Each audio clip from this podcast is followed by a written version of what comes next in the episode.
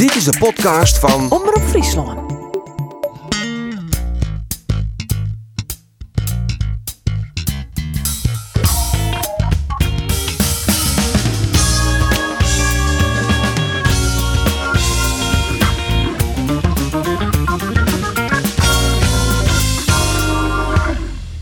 Goeiedag alweer. Fijn dat je weer luistert naar de podcast van Omroep Friesland. We binnen er weer en we zullen weer een bestekkelijk, eh, nou pak een beetje drie kwartier van je maatje. Maar twee collega's in de studio in Ljout. Andor Faber Goedemiddag. En Arjen de Boer. Hey Geert. Ik ben Geert van Tun. Ik zit in de studio in Menaam. En we hebben een bijzondere gast in deze podcast. Zijn naam is Alexander Anton Eiko Pastoor. Dag Alex. Hoi, goedemiddag. Welkom in onze podcast. Mag ik eh, met, even met een, een persoonlijke herinnering aan jou beginnen? En dan moet je even vertellen of het klopt of niet. Maar het schoot me net te binnen, eigenlijk een minuut geleden zo'n beetje.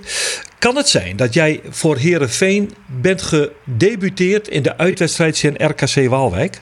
Ja, klopt. Oh, gelijk een kraken dus. Het was de Eh, fietsenstalling. Het hek om het veld heen was hoger dan de tribune. Ja, precies. Je zit nu, eh, ja, dat- dit is, dat is wel even heel wat anders. Je zit nu in Oostenrijk. Mag ik daar even Ja. mee beginnen? Je zit bij SCR Altag en je zit, eh, nou, ik wil niet zeggen eh, wat in de problemen, eh, sportief gezien, maar het gaat niet helemaal naar wens in de pool waar je zit, volgens mij. Nou, ik weet niet eh Volgens mij juist wel, Onder- Geert. Volgens mij welke steen je nu net vandaan gekropen Nee, Geert, waar nee, je dat over niet. RKC Oh, wacht even. Nee, dat klopt hebt niet. Nee. Oh, nee, sorry. Oh, God. het is zo dat eh, de Oostenrijkse competitie wordt na 22 eh, wedstrijden wordt in, eh, in tweeën gedeeld. Ja, en dan nou de, ja. de bovenste zes ploegen die spelen om het kampioenschap. En ja, die verdelen wat de Europa Cup plekken. En de onderste zes ploegen, waar wij in terecht gekomen zijn... die spelen tegen één degradatieplek. En die spelen om één eh, Europese plek. Nou, op dit moment zijn er acht wedstrijden gespeeld. En ehm, het is in ieder geval al zeker dat wij ehm, tegen de nummer één van deze pool... we staan nu tweede gaan wij in één finale uitmaken. Wie er in een dubbele finale tegen de nummer 5 van de bovenste pool speelt om één Europa Cup plek. Dus Oké. Ik zag nogal wat eh, gelijk spelen, gelijke spelen voorbij komen. Ik denk dat gaat niet lekker of zo.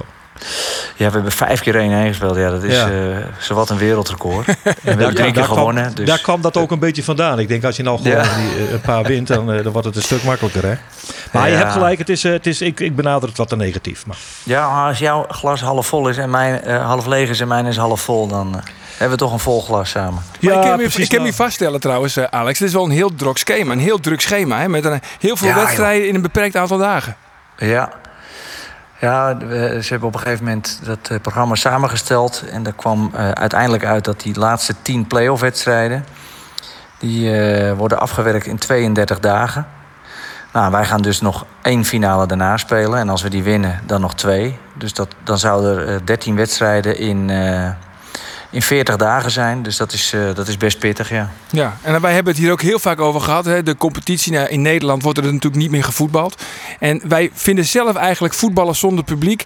Dat vinden we eigenlijk niks. Nou ja, jij bent nu ervaringsdeskundige. Hoe is dat, voetballen zonder publiek? Ja, ik, ik heb een eh, ander uitgangspunt genomen. En dat eh, uitgangspunt is dat zowel de spelers als de trainers allemaal heel erg blij zijn dat we weer mochten trainen en uiteindelijk ook weer mochten spelen. En het feit dat er geen publiek is, ja, dat heeft een bepaalde reden. En eh, ja, we nemen het zoals het komt. Maar ja, Dus, voetballen eh, is toch eigenlijk puur amusement. Je voetbalt toch eigenlijk voor het publiek. En als dat dan Ja. wegvalt... Toen wij eh, acht jaar waren en voetballen, er stonden er ook zes ouders te kijken. Nou, die zijn er nu ook. ja, mijn keeperstrainer heeft een eh, vader die is zo gek van voetbal. Die heeft zich aangemeld als ballenjongen.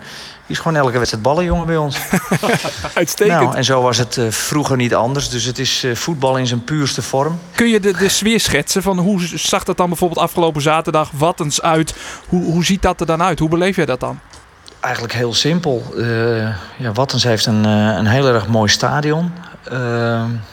En daar zit geen hond. Dus ja, alles wat je hoort, dat weerkaatst in de tribunes. Ehm, wat spelers zeggen, dat, eh, dat hoor je letterlijk. De, de tegenstander wist op een gegeven moment niet waar ze het zoeken moesten. En de, de, de trainer van de tegenstander die heeft twee keer zijn formatie gewijzigd. Nou, vaak moet je dan in een vol stadion meteen even kijken. Er wordt gewisseld. eh, gaan ze anders spelen? Wie komt op welke plek? Maar hij schreeuwde gewoon op het veld welk systeem ze gingen spelen. Dus dat was voor ons natuurlijk hartstikke mooi. Ja. Dat we dat meteen meekregen. En de spelers ook. Dus ik kon ook gewoon blijven zitten. Ik hoefde er voor de rest niks aan te doen. Je houdt bijna pleidooi voor uh, voetballers zonder publiek, man. Nou, ik uh, heb net als uh, jouw opmerking over dat het met ons niet zo goed ging. Ik zie dat het glas half vol is. En okay. wat, wat we nu hebben, ja, dat, dat moeten we met beide handen aangrijpen. Jullie horen in ieder geval bij de twee beste ploegen van de onderste zes, om het dan zo maar te schetsen. Ja. Jullie uh, doen ook nog gewoon mee om, uh, om het laatste plek voor uh, het laatste ticket voor Europees voetbal. Mocht dat nou allemaal lukken, heb je dan eigenlijk een, een fantastisch seizoen gedraaid? Ja, we draaien sowieso niet zo'n slecht seizoen. Je moet je voorstellen dat, ja, dat dit een club is waar ik mijn voetbalcarrière, actieve voetbalcarrière heb afgesloten. Dat is een jaar of twintig geleden. Toen speelden ze op het derde niveau. En men heeft altijd gezegd, we willen stukje bij beetje willen we naar een hoger niveau groeien. Zodat we een vaste bespeler van de, van de, van de Oostenrijkse Bundesliga zijn. Nou, dat hebben ze maar mooi voor elkaar gekregen. Met uh, sterk verbeterde omstandigheden. Ja, nu is het zo dat een, een, een klein dorpsclubje, een dorpje van 7000 inwoners... die ontwikkelt zich heel aardig en wat dat betreft de potentie heel goed. Het budget is natuurlijk relatief klein en daarmee uh, leveren we eigenlijk een goede prestatie. Nou keer ik mijn glas om, uh, Alex. Hij is half vol hoor. okay. nou, pas maar op dat het water er niet uitloopt dan, uh. Maar kun, kun jij ja. vertellen, uh, Alex, uh, hoe is het niveau er in Oostenrijk? Want in Nederland krijgen we er natuurlijk in dat opzicht niet heel veel van mee. We zien Red Bull Salzburg, we zien sinds dit ja. seizoen Lask Liens. Kun je dat vergelijken met Nederland? Nou, deze club zeker. Uh, maar ook hier is het uh, krachtsverschil uh, heel groot. En de, de, de, de, clubs die daaronder zitten. Rapid Wien heeft het dit seizoen erg goed gedaan.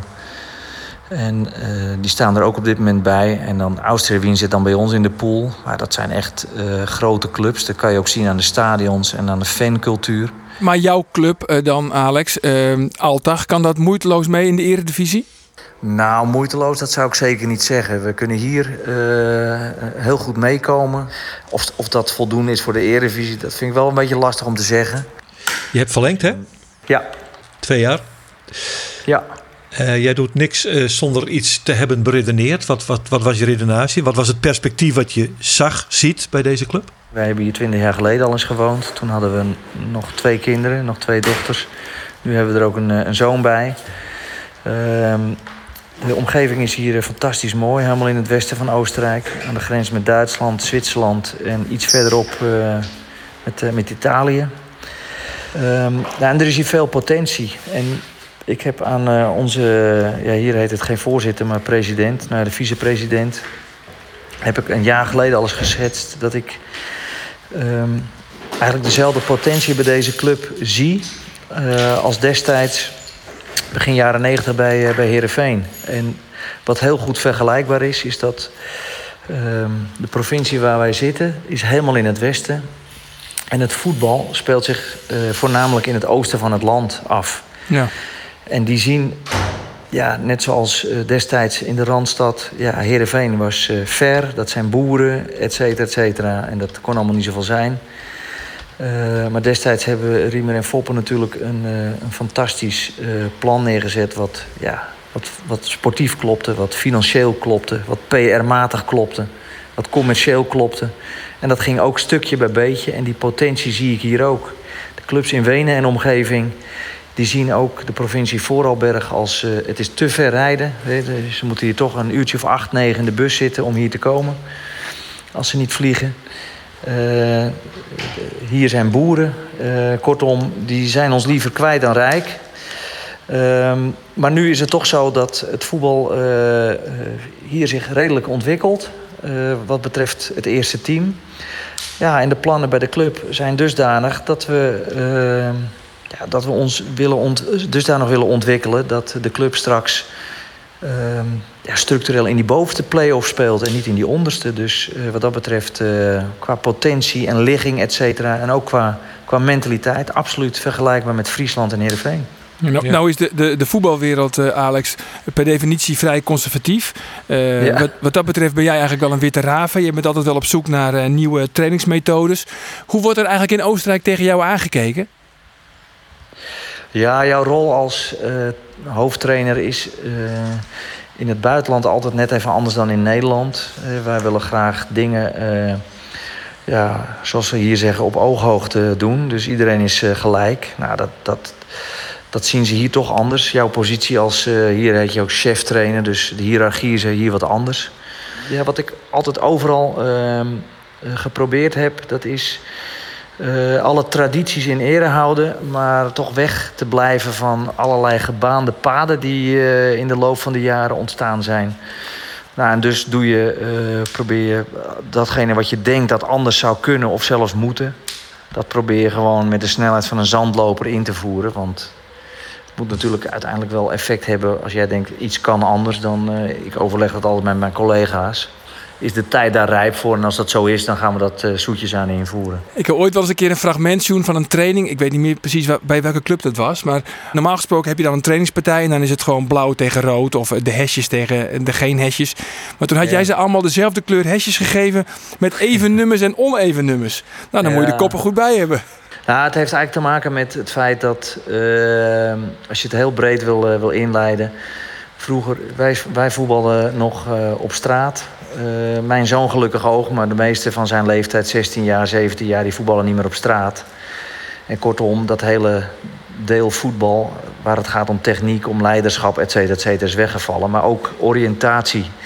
Nou, en die oriëntatie, wij deden op school ook geen hesjes aan. Iedereen die deed zijn eigen kleren aan en voetballen. Ja. En je wist precies bij wie je was. Dus het is eigenlijk gewoon een, een kunstje om, om ze de oriëntatie beter aan te leren. En of je ze nou allemaal dezelfde kleur laat dragen of even nummers... of gewoon allemaal eh, hun eigen kleren aan laat trekken.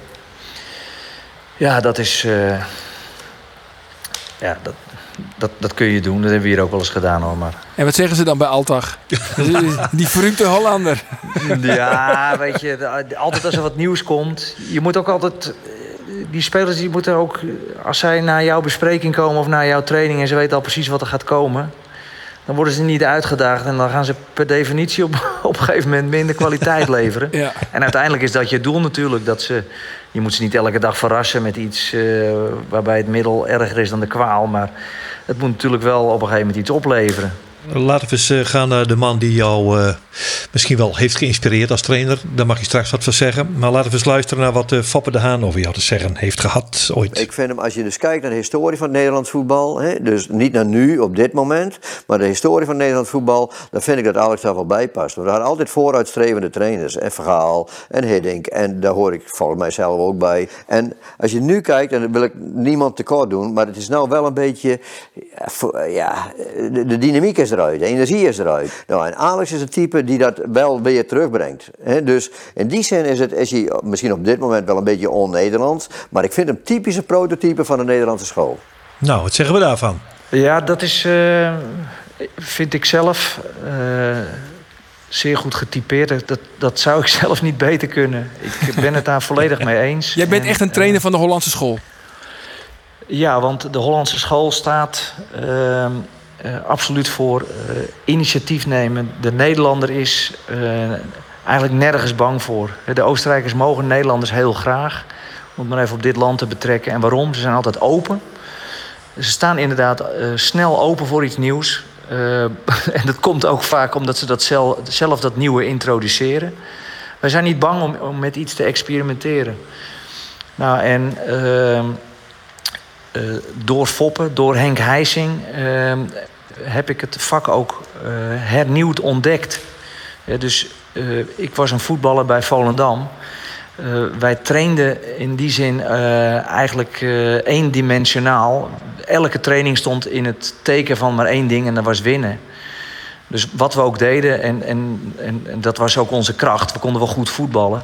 En bij Fop heb ik echt, en bij Henk echt geleerd dat je op zowel microniveau, dus op, uh, op de schaal van één of twee weken, maar ook op macroniveau, als je in maanden of zelfs jaren gaat denken, dat je een, een, een, een speler, een, een, team en zelfs een club verder kunt ontwikkelen. En dat heeft mij als voetballer op dat moment bij Heerenveen nog niet zo gebracht, want ik was me daar A niet zo van bewust. En Foppe heeft me op dat moment dat ook net even te weinig uitgelegd nog.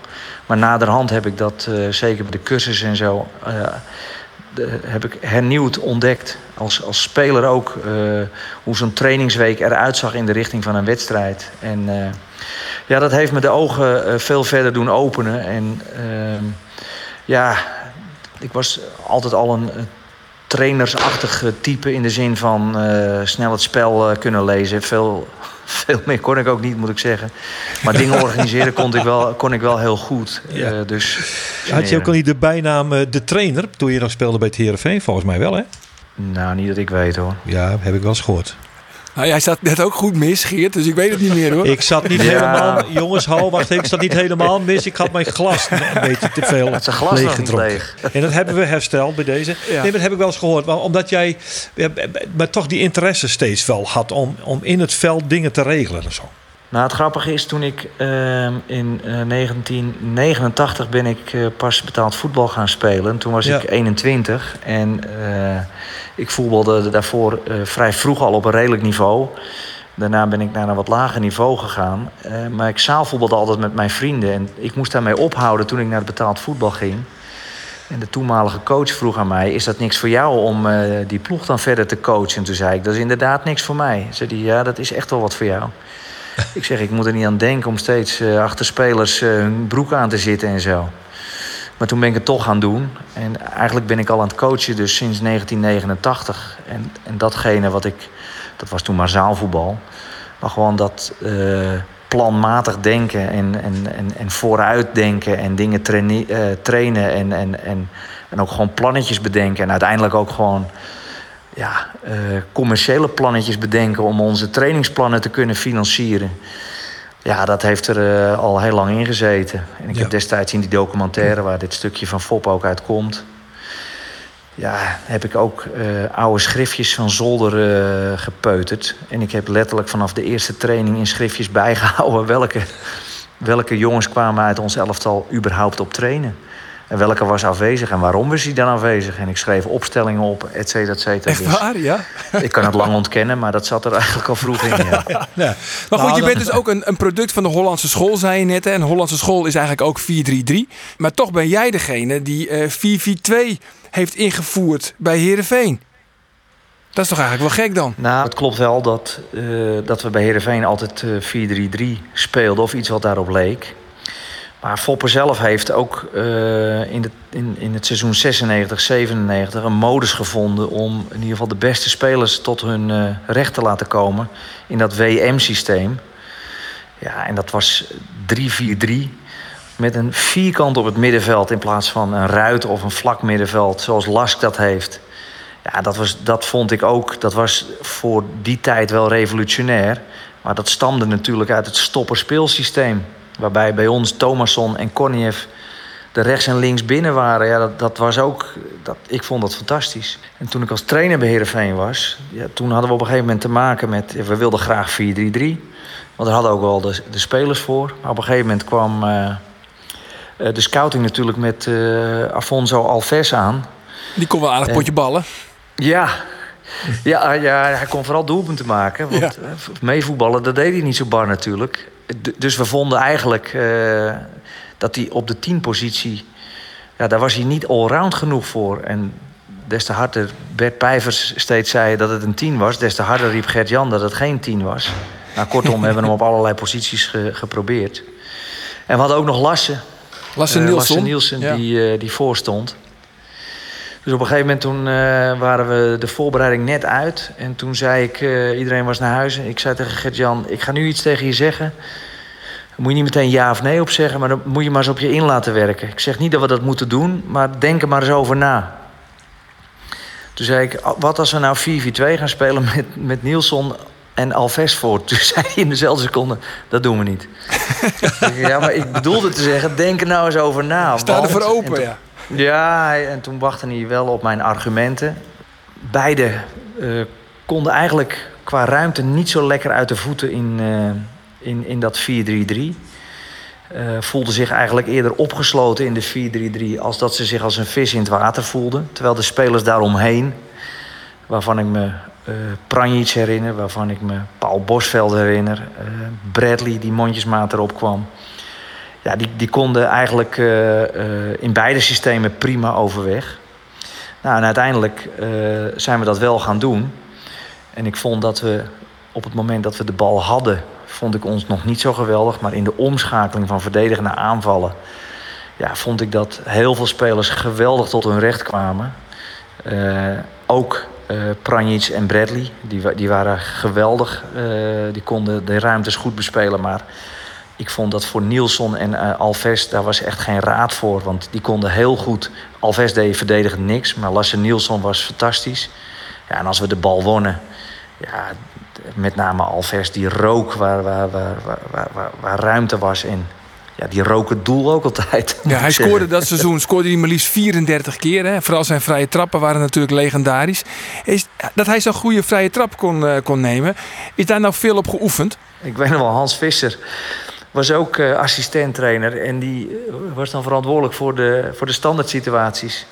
Ja, en die moest eigenlijk Alves gewoon ook uh, zijn oren naar vrije trappen trekken. En nou, die nam dan om Hans dat ze graag wilde dan wel eens een vrije trap. Op de training. Ja, die schoot hij zo vanaf het trainingsveld zo over de A35 uh, het Abelenster stadion in. En dan nam hij de drie en dan zei Hans, ja, dat heeft ook geen zin. Ja, en dan de volgende dag, dan stelde hij zich te pas en te onpas achter ballen op.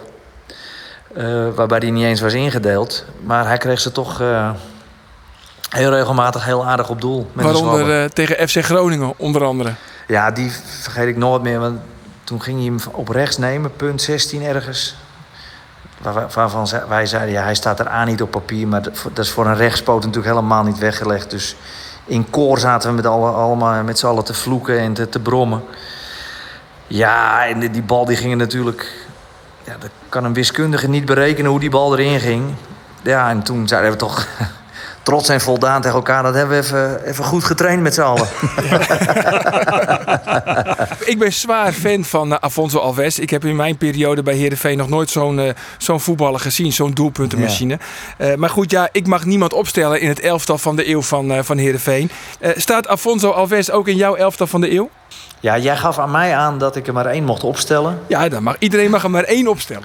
Ja, ja, als trainer heb je uh, een doelpuntenmaker er heel graag bij. Dus als trainer zou ik hem direct opstellen. En ik ben nu ook trainer.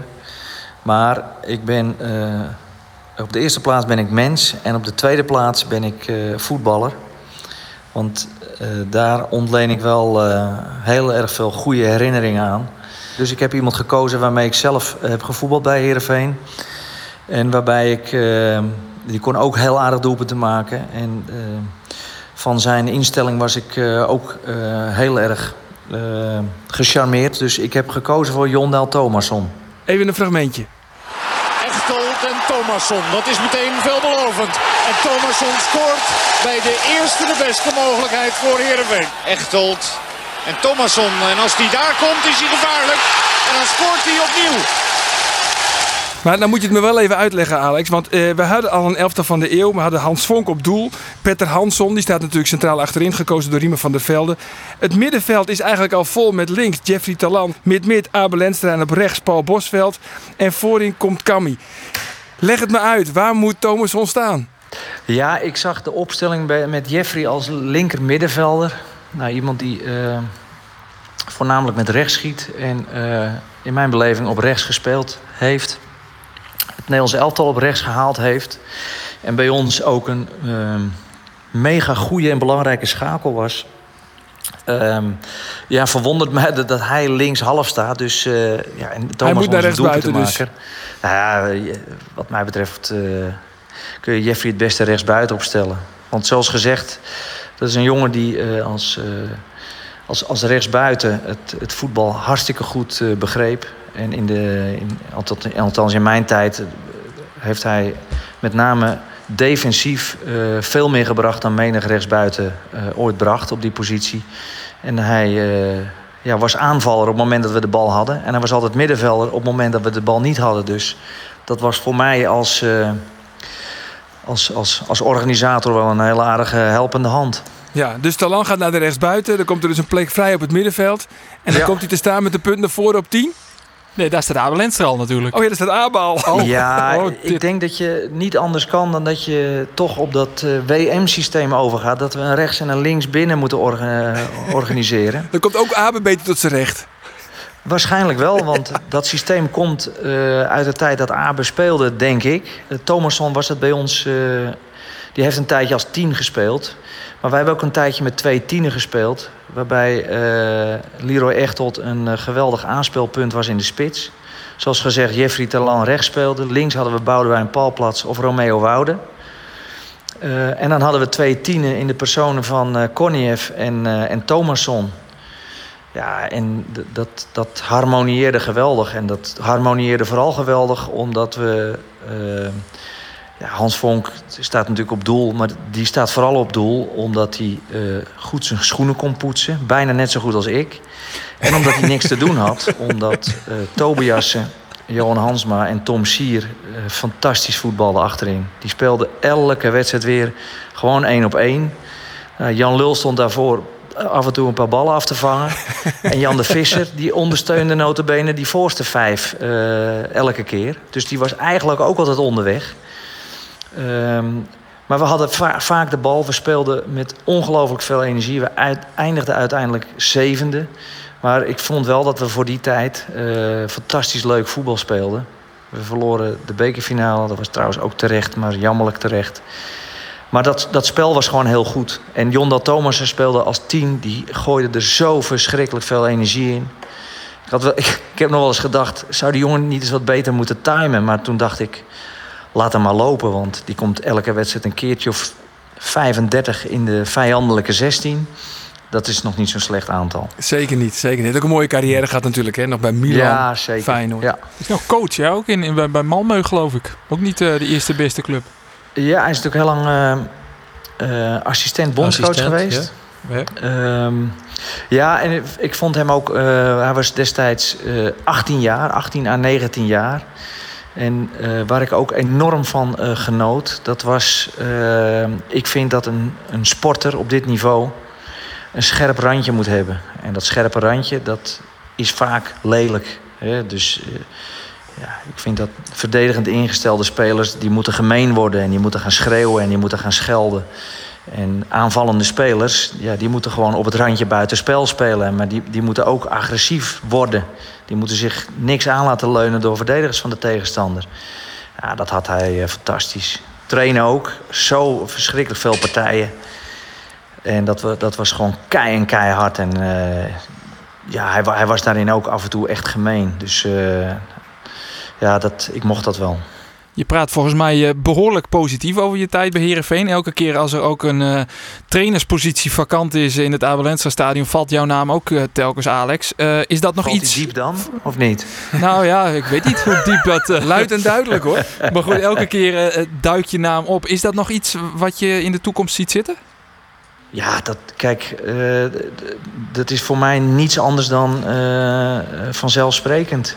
Uh, zoals ik net zei, ik heb als voetballer enorm veel plezier beleefd aan mijn carrière. Ik heb met ongelooflijk veel plezier zes jaar bij FC Volendam gespeeld.